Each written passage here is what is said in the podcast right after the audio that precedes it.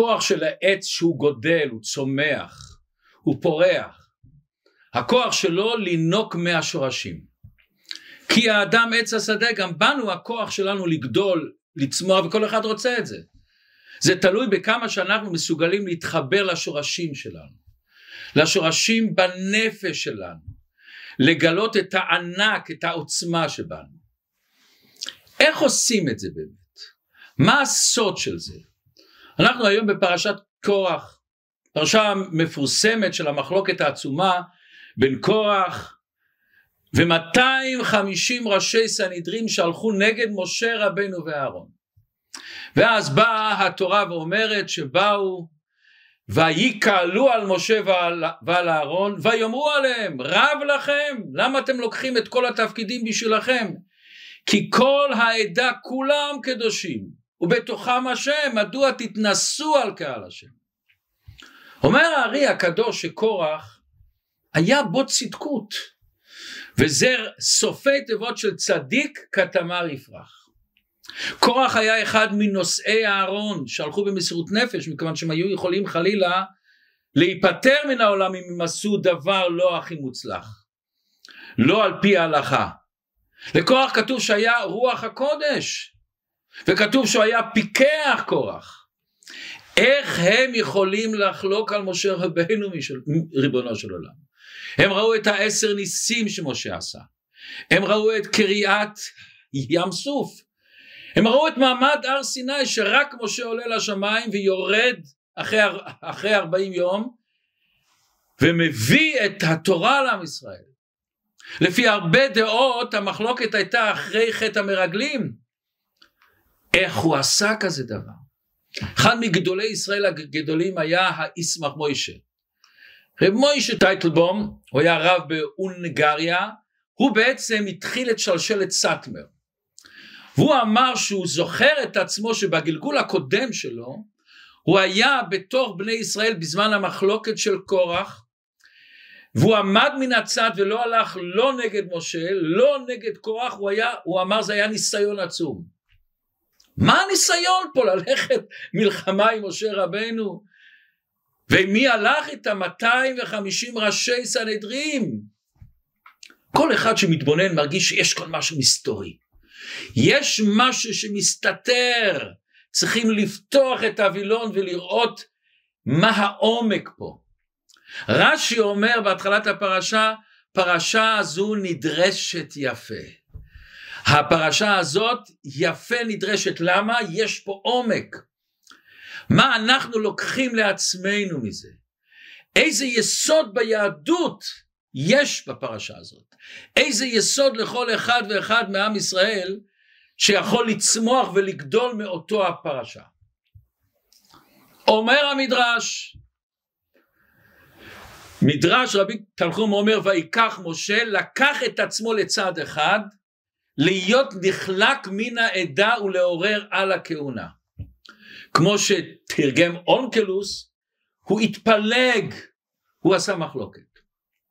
וכאן באה השאלה הגדולה שכולם שואלים וכתוב, רש"י מביא את זה, וקורח שפיקח היה מה ראה לשטות זאת.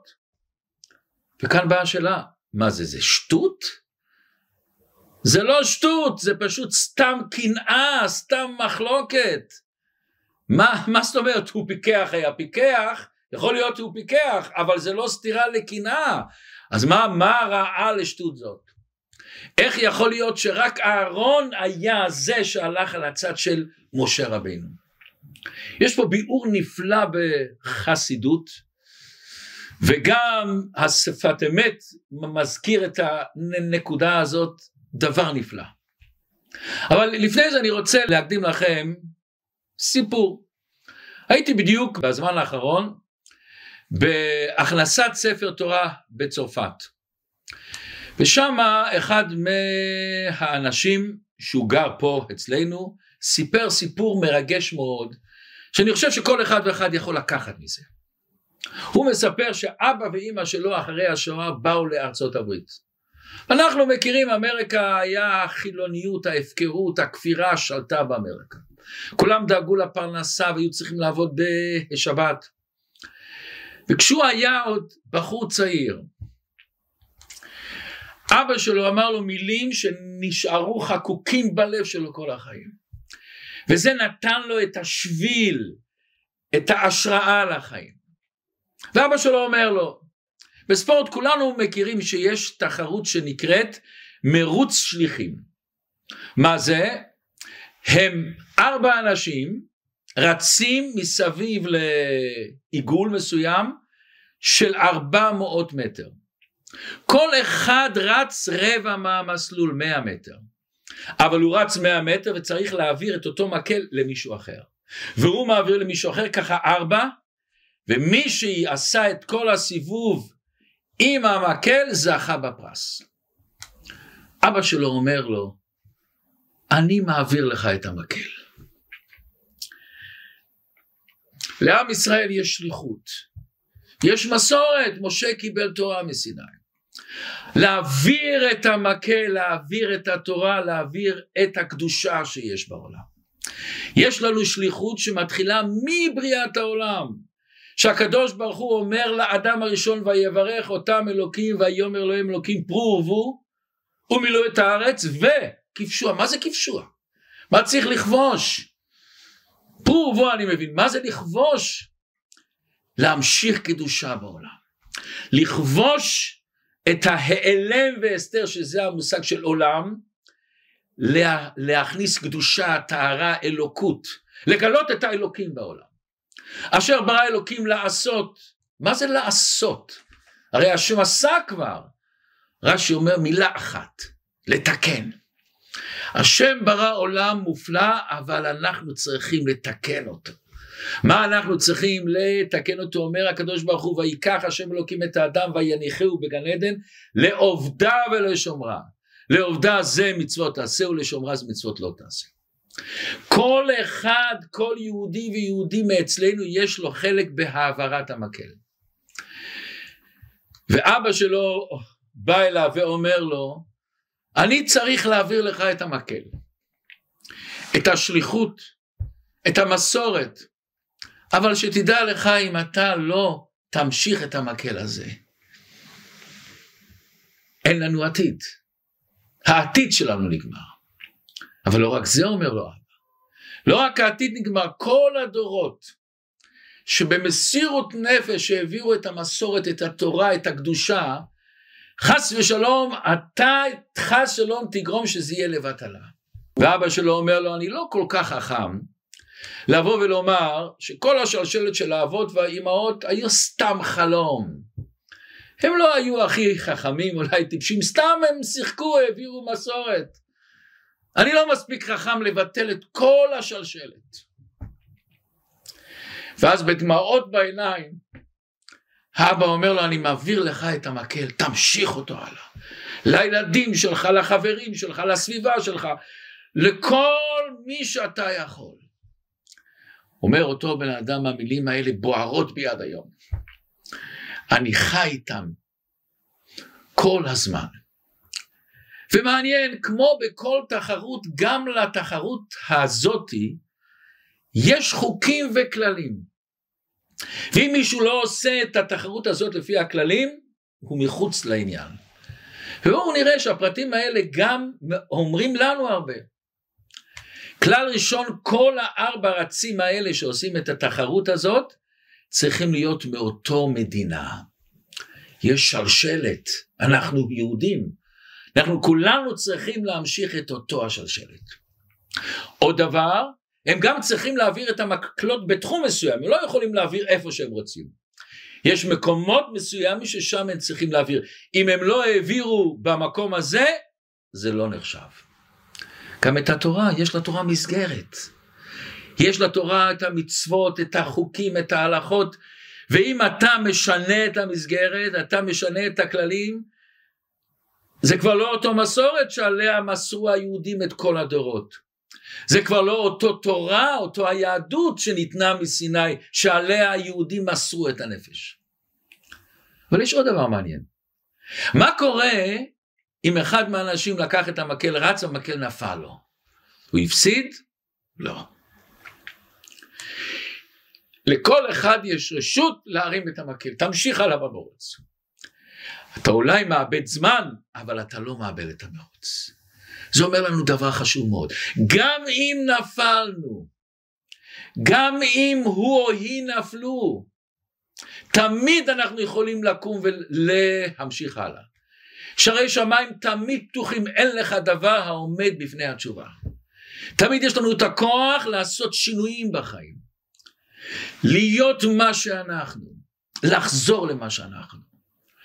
וזה המסורת הנפלאה שיש בעם ישראל. וזה העומק של העניין הזה של משה קיבל תורה מסיני ומסרה ליהושע ויהושע לזקנים להעביר את זה הלאה. יש סיפור מרגש מאוד ששמעתי מהרב חזן, רב גדול במנצ'סטר. אז הוא סיפר שהיה בארצות הברית זוג שהתחתן. השם ישמור הם לא זכו בילדים והלכו לעוד טיפולים, טיפולים, טיפולים, טיפולים, וזה לא הלך השם ישמור. ואז בסוף, בסוף, בסוף, עשתה, האישה עשה איזה טיפול, וברוך השם נכנסה להיריון. שמחה גדולה. אחרי כמה זמן הולכים לרופא, עושים בדיקות, והרופא אומר, אני מצטער להגיד, אבל זה לא נמצא במקום הנכון, בואי נחכה עוד שבועיים שלוש. עוד עבר זמן, הסתכל, אומר, אין ברירה. זה סכנה להמשיך את זה, אני צריך לעשות מעשה לא נעים, להוציא אותו החוצה. מכיוון שאם לא, חס ושלום, זה יכול להיות סכנה לאישה. חוזרים הביתה והבעל אומר לאשתה, אנחנו עושים את זה, מוכרחים, החיים שלך הרבה יותר חשובים, היא אומרת, לא, לא, לא, לא. השקעתי כל כך הרבה, אני לא מוותרת, אני ממשיכה הלאה. היא המשיכה הלאה והילד נולד בריא ושלם, אבל האישה, השם ישמור, עלתה לשמיים. האבא אף פעם לא סיפר לילד איך שהאימא נפטרה, הוא סיפר לו שבגיל שנה וחצי האימא הייתה חולה ונפטרה, למה? הוא לא רצה שהילד ירגיש חס ושלום.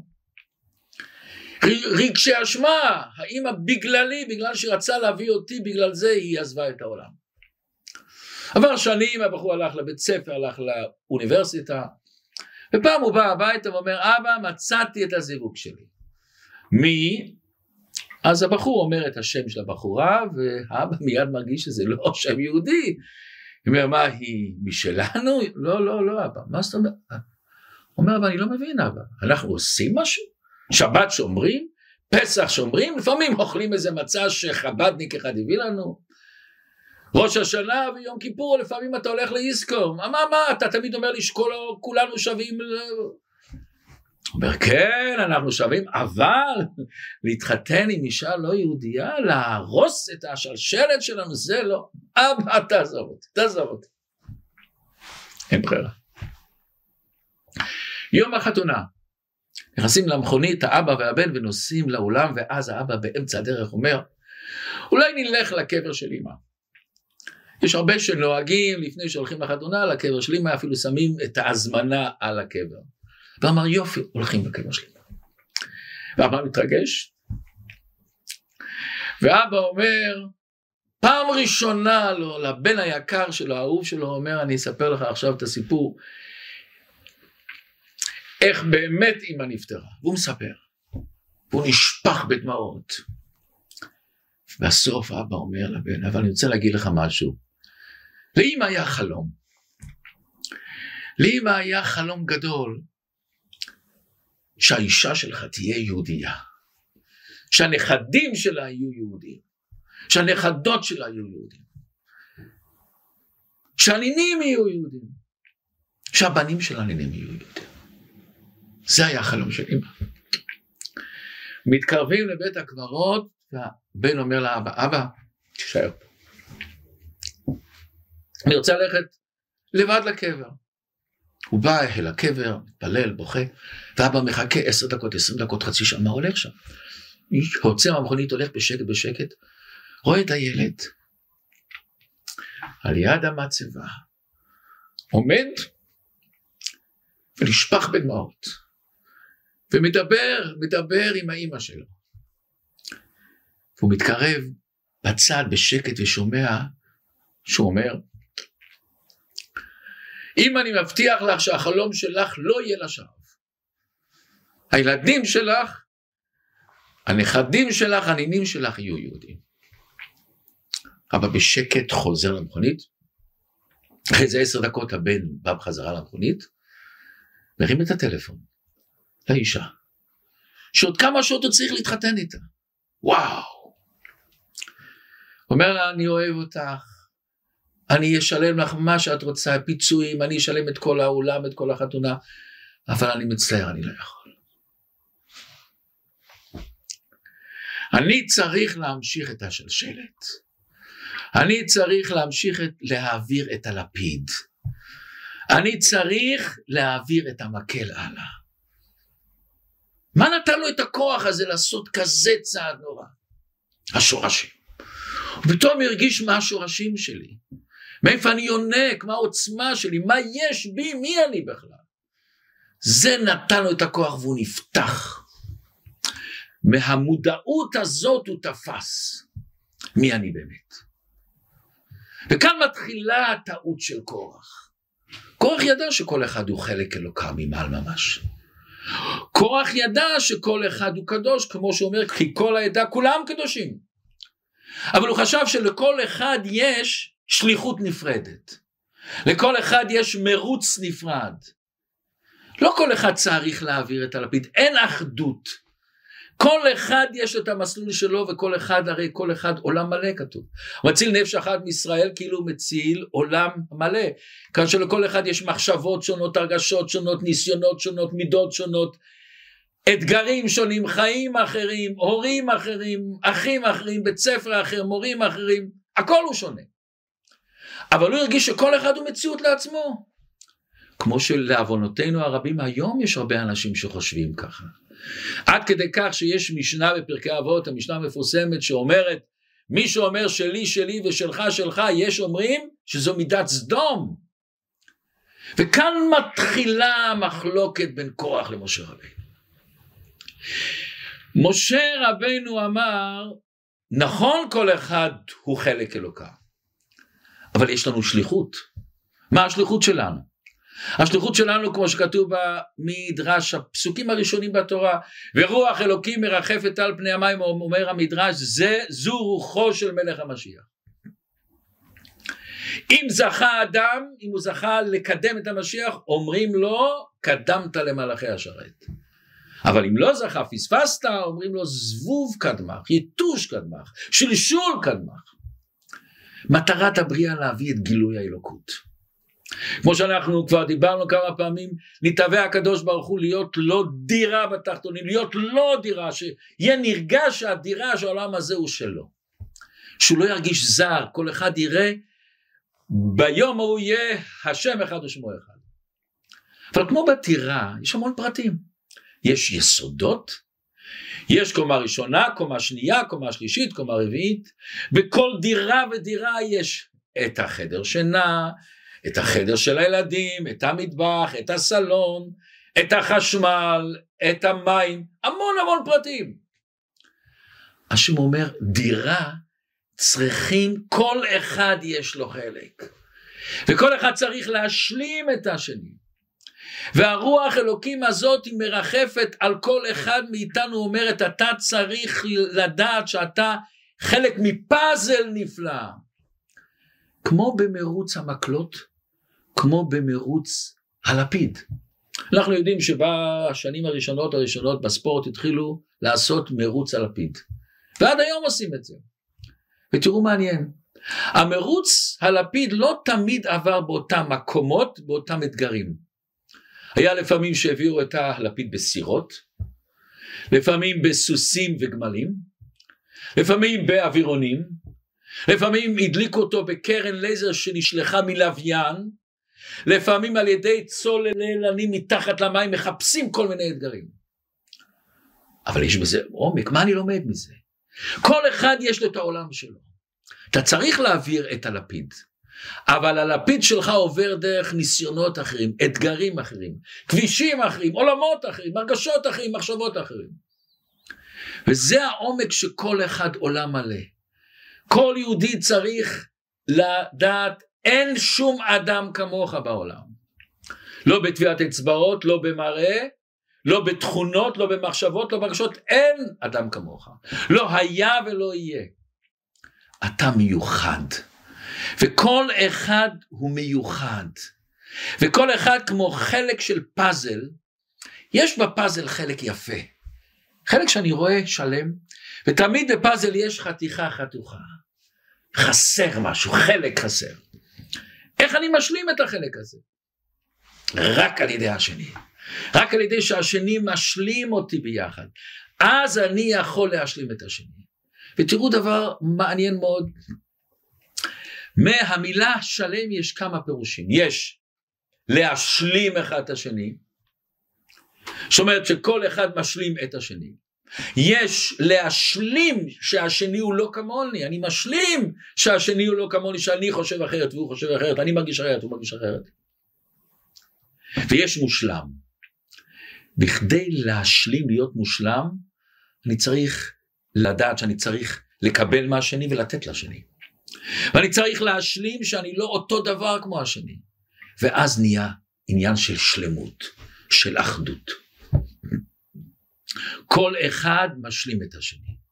כמו פורט, אנחנו מכירים שפורט שעשה את המכוניות שלו, הוא עלה על הפטנט לעשות מכוניות בסרט הנע. כל אחד עושה חלק אחד. מה זה אומר לנו? דבר ראשון זה הולך הרבה יותר מהר, בטוח, אבל יש עוד עומק. כל אחד מרגיש שאם אני לא שם את החתיכה שלי הדבר לא יהיה שלם. עם ישראל אנחנו שלמות אחת וכל אחד יש לו את החלק שלו להשלים. לכל אחד הוא בסרט הנע שכל אחד עובר אחד אחרי השני.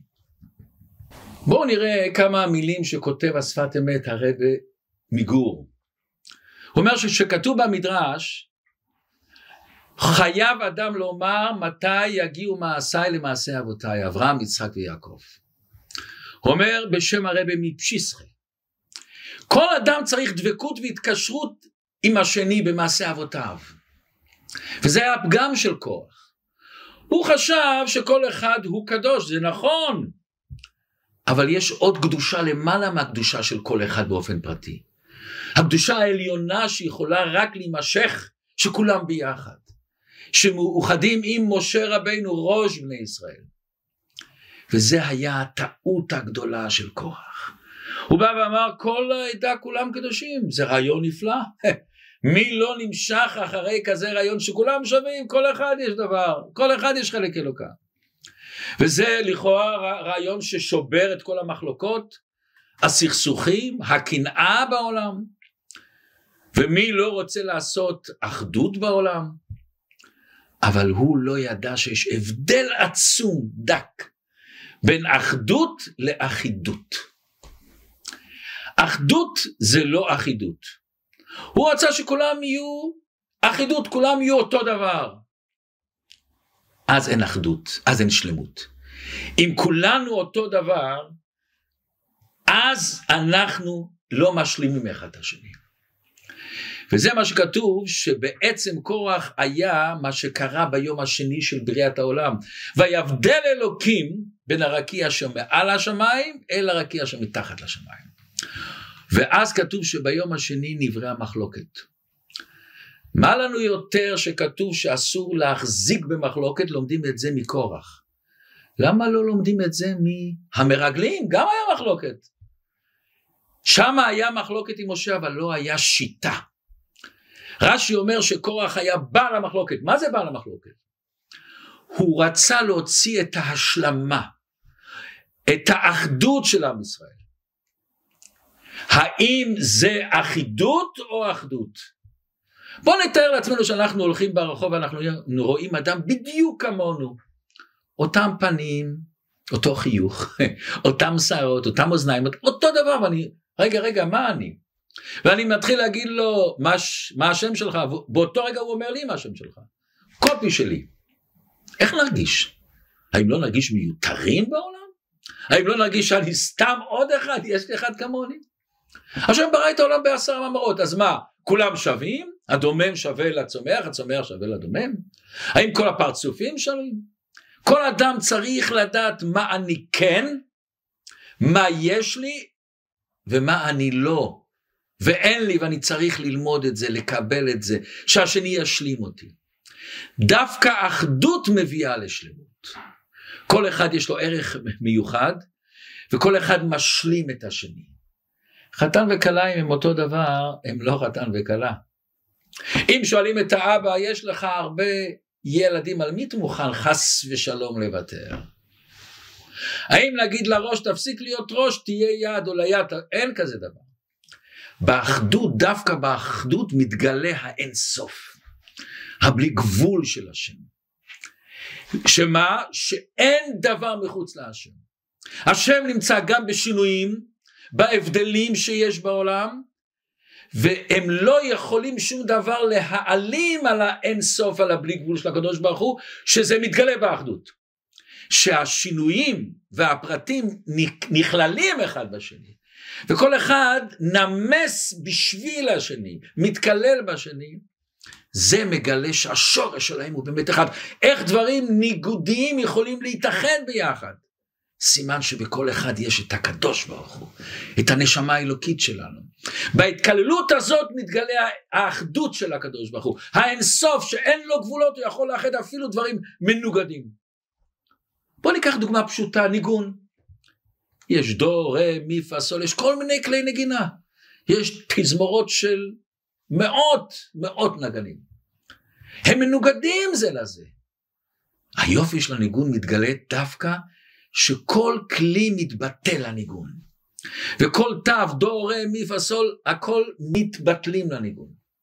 וכשאתה שומע ניגון אתה לא יכול לשמוע כמה היה מהדו, מהשיא, כמה היה הפסנתר, אתה שומע את הניגון.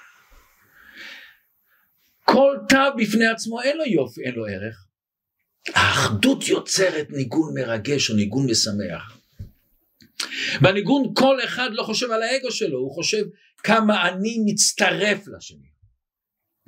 חס ושלום אם בן אדם ירגיש כמה שומעים אותי, לא יהיה ניגון. ולפעמים אנחנו לא מבינים איך ניגון, הרבה פעמים אני אומר לעצמי, איך ניגון יכול פתאום לגרום לנו לשמחה עצומה, להתרגשות, להשראה עצומה, לדמעות, דמעות של שמחה, דמעות של עושר, כל מיני דמעות. ההתקללות של התווים מגלה לנו משהו שלמעלה מהתווים. היא מגלה לנו משהו שנוגע בנשמות שלנו.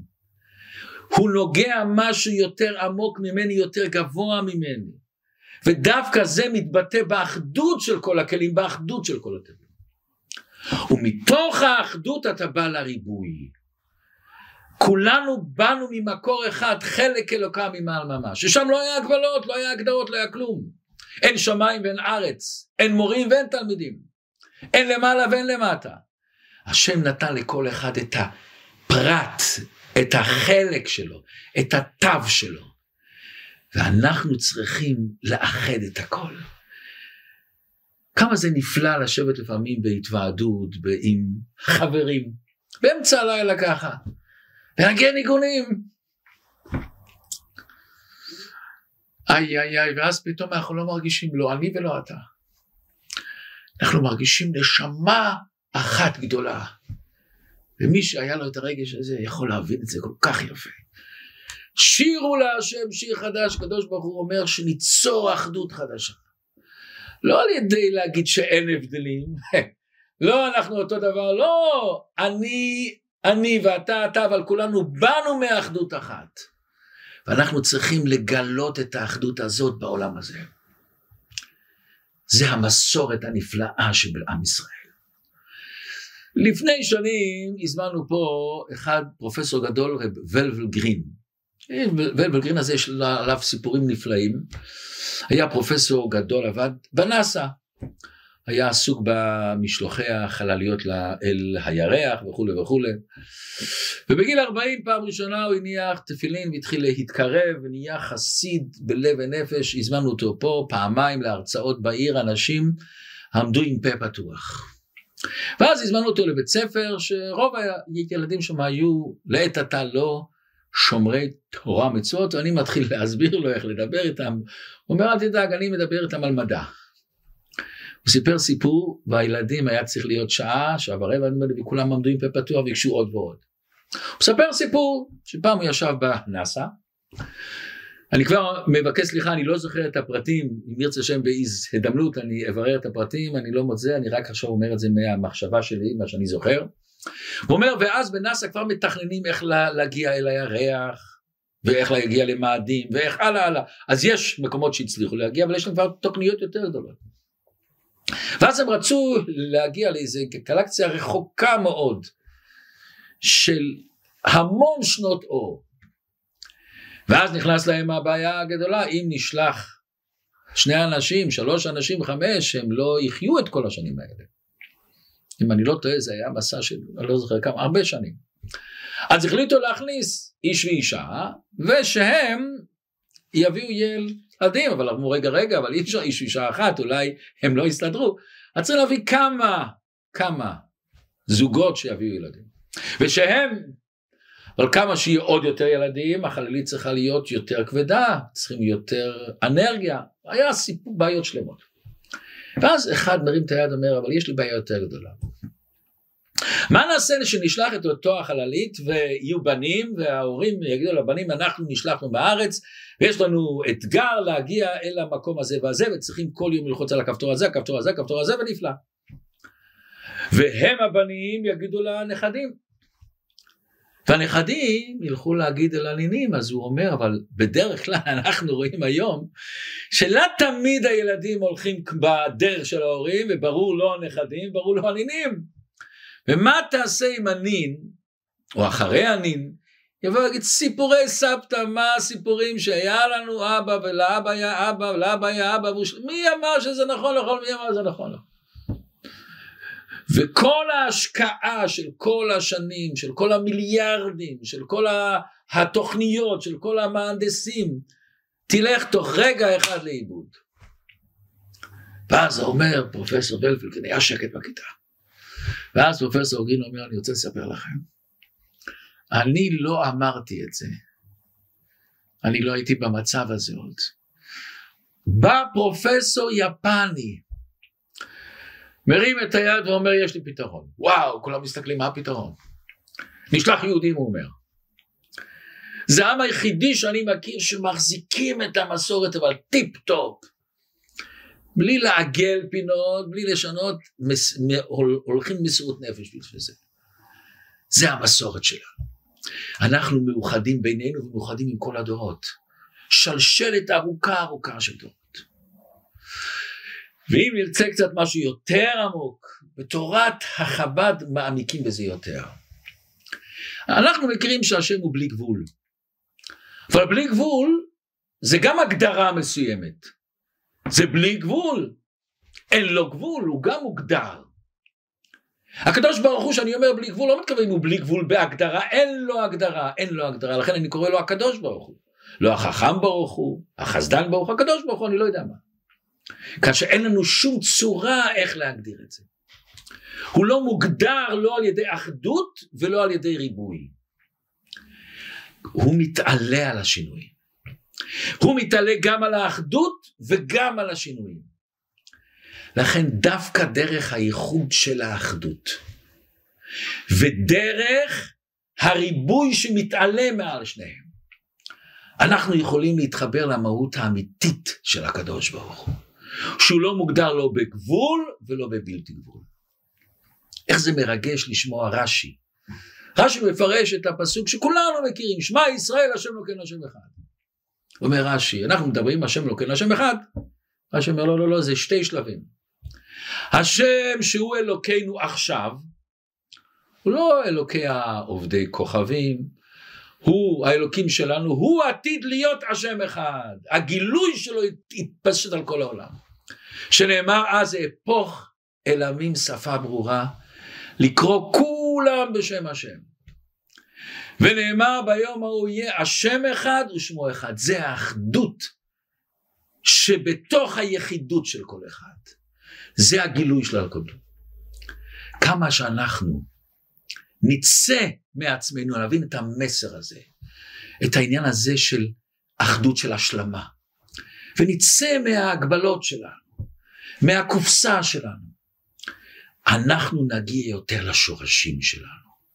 לעוצמות שלנו, לכוחות העצומים שלנו, מכיוון שהכוחות העצומים האלה הם הם שנותנים לנו את הכוח.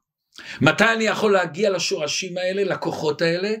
כשאני יכול לצאת מההגבלות שלי, לצאת מהאגו שלי, לקבל קצת את העניין הזה שהיה השם למלך על כל הארץ. ביום הוא יהיה השם אחד, אני מתקשר לקדוש ברוך הוא שהוא למעלה מחילוקים, למעלה מהגבלות. שהשם ייתן לכולנו את הכוח, את העוצמה הזאת. ואנחנו מכירים המון אנשים שדווקא ברגע שהם היו חלשים מאוד. ויקטור פרנקל היה אחד שעבר את השואה. והוא כותב, ראיתי אנשים חזקים, בריאים, שלא הצליחו לשרוד. ואנשים חלשים מאוד הצליחו. הוא אומר, מה ראיתי?